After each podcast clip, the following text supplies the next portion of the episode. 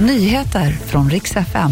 Både Norge och Danmark backar nu den svenska Tesla-strejken. Och så ska det handla om årets absolut mest framgångsrika artist. Nu prisas hon dessutom som årets person. Vi ska börja med att säkerhetsläget i Sverige har förvärrats ännu mer sedan terrornivån höjdes i augusti enligt Säpo. Och det är Gazakriget som har gjort att polariseringen har ökat och även aktiviteten bland våldsbejakande extremister i Sverige. Igår varnade även EU-kommissionären Ylva Johansson för en ökad risk för terrorhot i Sverige.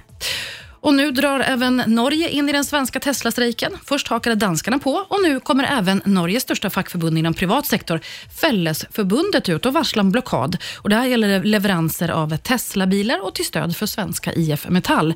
Eller som de säger, IF Metall de tar striden mot ett fackfientligt bolag och hela arbetsmarknadens vägnar. Så ska om People Magazine. De har nämligen utsett årets person och det går till en artist som onekligen gått bra för i år, nämligen Taylor Swift. Hon har ju både haft en turné i Nord och Sydamerika, toppat Spotifys lista som den absolut mest spelade artist 2023.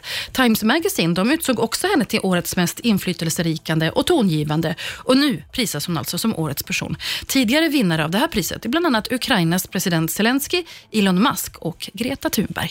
Och det var nyheterna. Jag heter Maria Granström.